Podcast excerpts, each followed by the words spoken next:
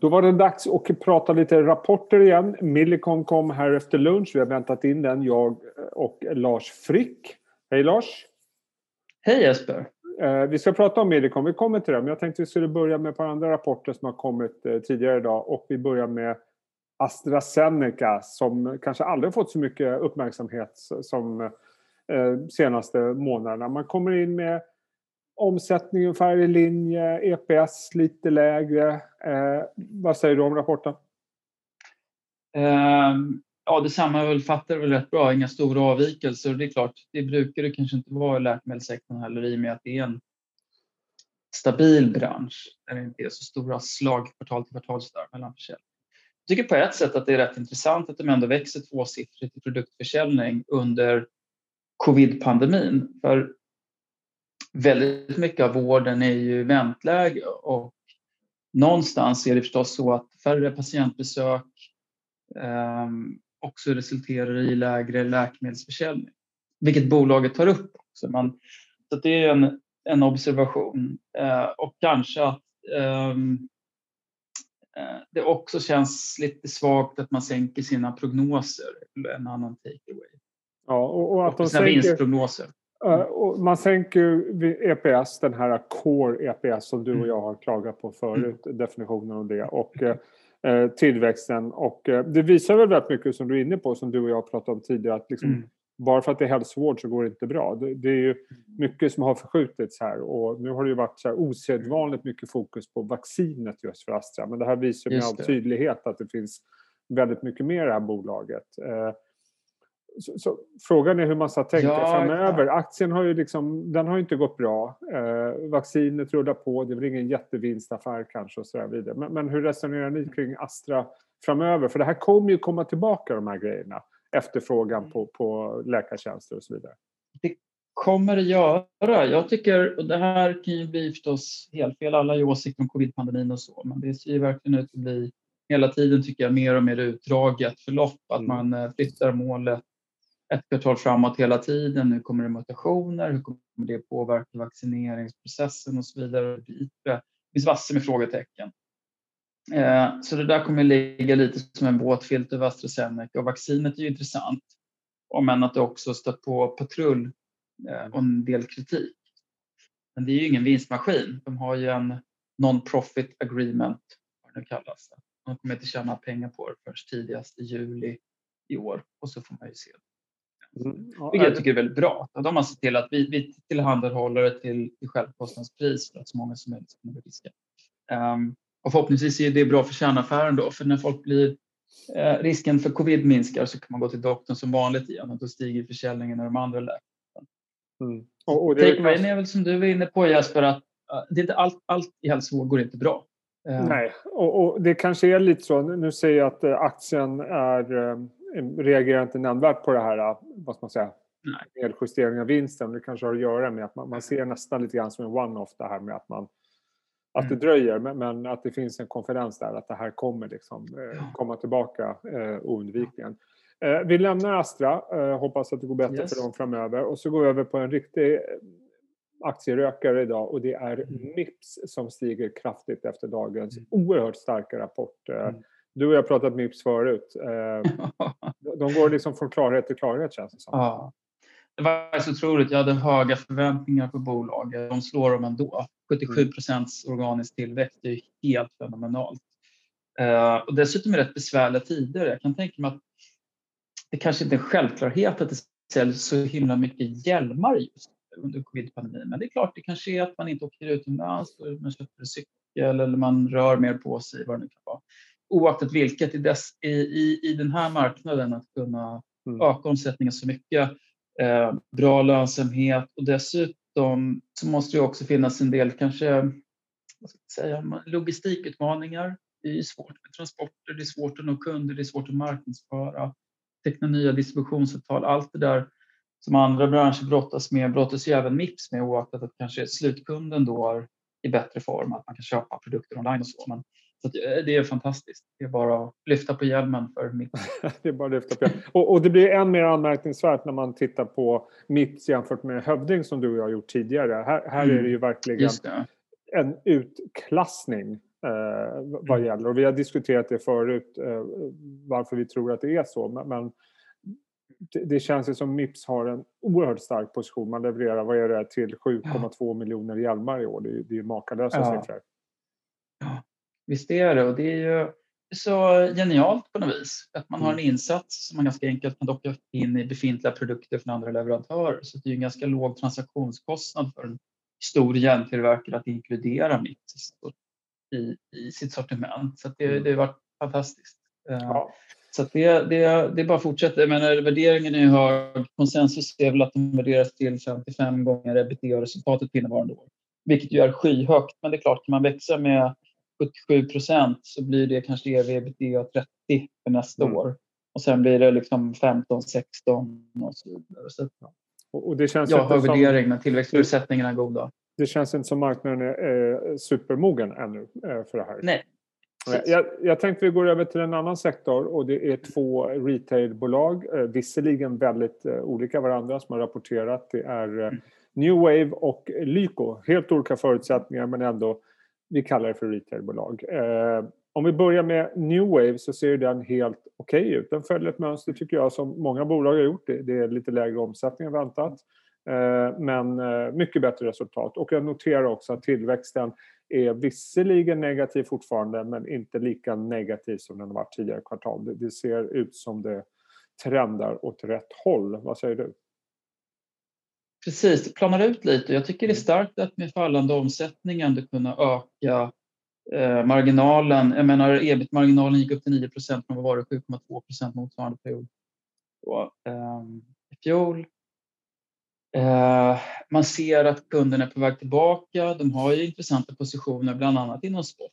Ja. Ehm, där vi också kanske ändå kan se, inte kanske att det är covid-vinnare, men det är segment som står emot rätt bra.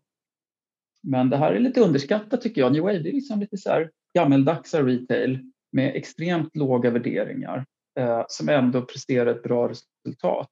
Mm. Eh, och om man då jämför det med onlinebolag som har helt andra värderingsmultiplar så känns det lite som att utan att ha en rekommendation i New Wave då, att det här kanske är faktiskt lite undervärderat. Konsensus är ebitda 8,5 på ett bolag som, som lyfter lönsamheten och har ändå rätt bra tillväxtförutsättningar i år. Ja, och... Alltid Men konsumenten är ju stark. Vi, tittar man på svenska hushåll så, så har ju balansräkningen blivit bättre. Jag vet inte om sparkvoten har gått upp, men vi har ju en högre andel finansiellt sparande och så mm. vidare. Så det finns ju pengar hos hushållen att spendera.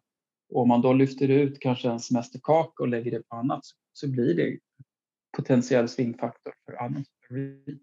Ja, och, och, och, man hör ju Torsten Jansson är också ute och tycker jag målar upp en ganska positiv bild av resten mm. av året, inte minst andra halvåret där, där han mm. pratar om det finns förutsättningar att förbättra det här ytterligare. Och det blir ju intressant med tanke på värderingen och eh, jag tror aktien har väl, ja, den har väl gått upp i sig på ett år men inte någon kurs, inte någon rus. Nej, eller hur. Det är på något vis faller lite utanför ramarna. Jag tror att vi, vi mm. kanske är lite för tematiska. Vi letar covid-vinnare, covid-förlorare, eh, lång online, kanske kort liksom fysisk retail och så här. Det blir lite trubbigt. Så. Mm. Um, dessutom är ju andra halvåret säsongsmässigt väldigt starkt för New Wave så det är otroligt viktigt för dem. Så att de har väl kanske lite tur då att de här kommande kvartalen när vi fortfarande har stora nedstängningar är inte säsongsmässigt lika tunga under året som, som det andra halvåret. Ja, och sen hade vi då Lyko. Det här är en aktie som har gått oerhört starkt. Här är väl då vad man kallar kanske då en coronavinnare med mycket digital eh, mm. tjänst och framförallt så har e-handeln gått oerhört bra. Man har tappat lite på retail men det är inte så konstigt. Eh, jättestark omsättning, eh, förbättrat resultat, förbättrad lönsamhet. Aktien är ner lite grann när du och jag pratar. Eh, jag mm. misstänker att det har att göra med att eh, den har gått så bra innan. Eller vad, vad, tror du? Ser du någon annan förklaring? Jag tror det också. Jag menar eh, på 18 månader ungefär har den gått från dryga 50-lappen till att som nu handlas i vadå, 16 318 kronor. Det är en helt fenomenal kursutveckling mm. och eh, två tredjedelar drygt av börsvärdet idag har liksom tillkommit under covid-pandemin. Så det här är ju uppenbart så att många investerare ser att det här är en covid-vinnare. Och ja, en omsättning som stiger 44 procent är svårt att argumentera mot. Det är fantastiskt bra. Samtidigt kan jag tänka mig om man försöker lyfta blicken lite grann, kanske tänka lite långsiktigt bredare, att eh, Lyko säljer ja, skönhetsprodukter. Eh, har efterfrågan förändrats fundamentalt? Nej, det blir ungefär samma efterfrågan. Kommer fler kunder in online jämfört med fysiska butiker? Ja, jo, så är det ju.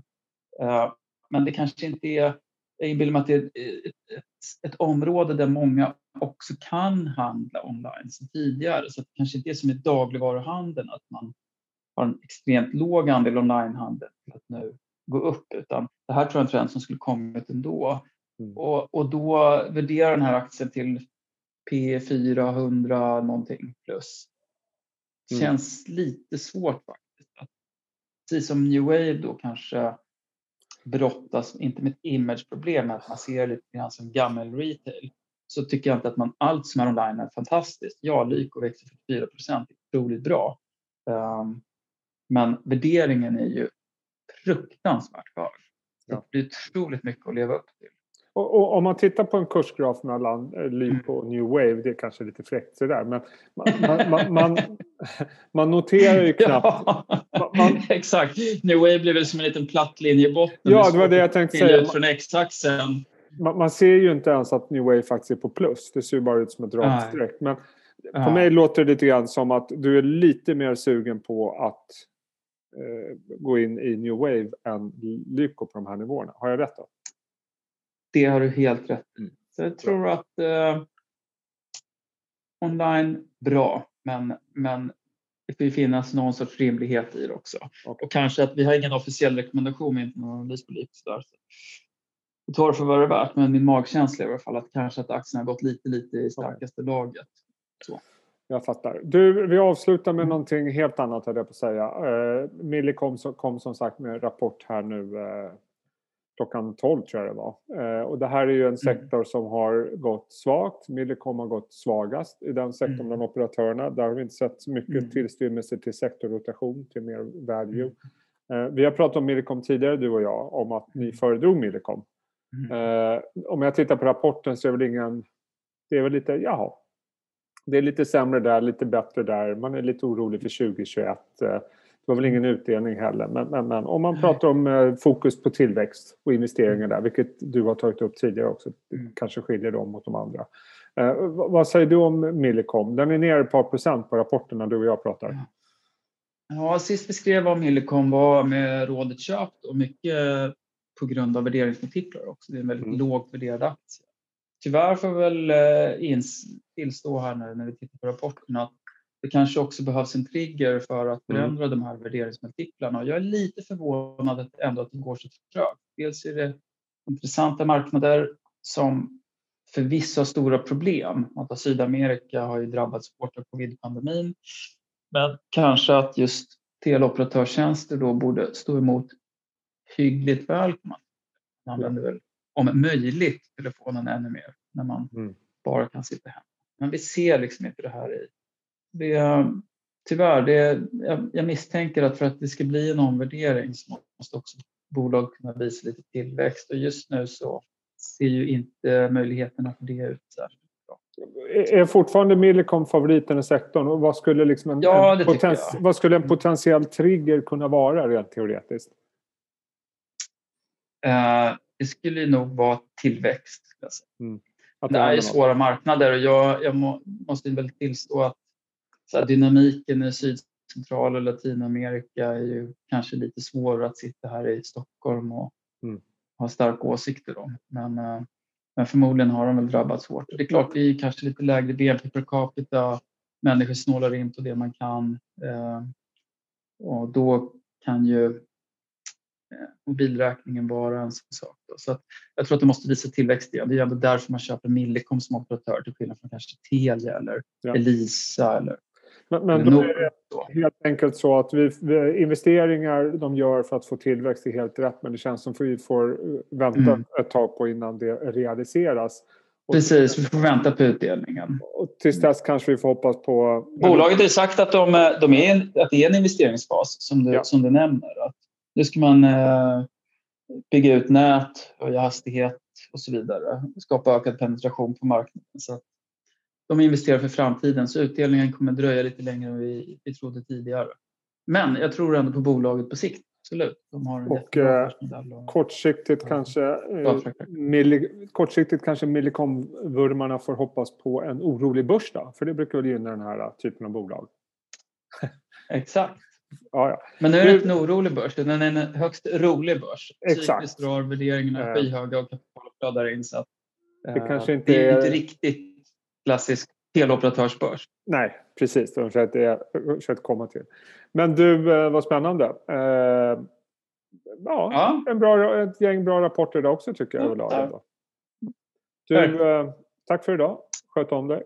Vi hörs.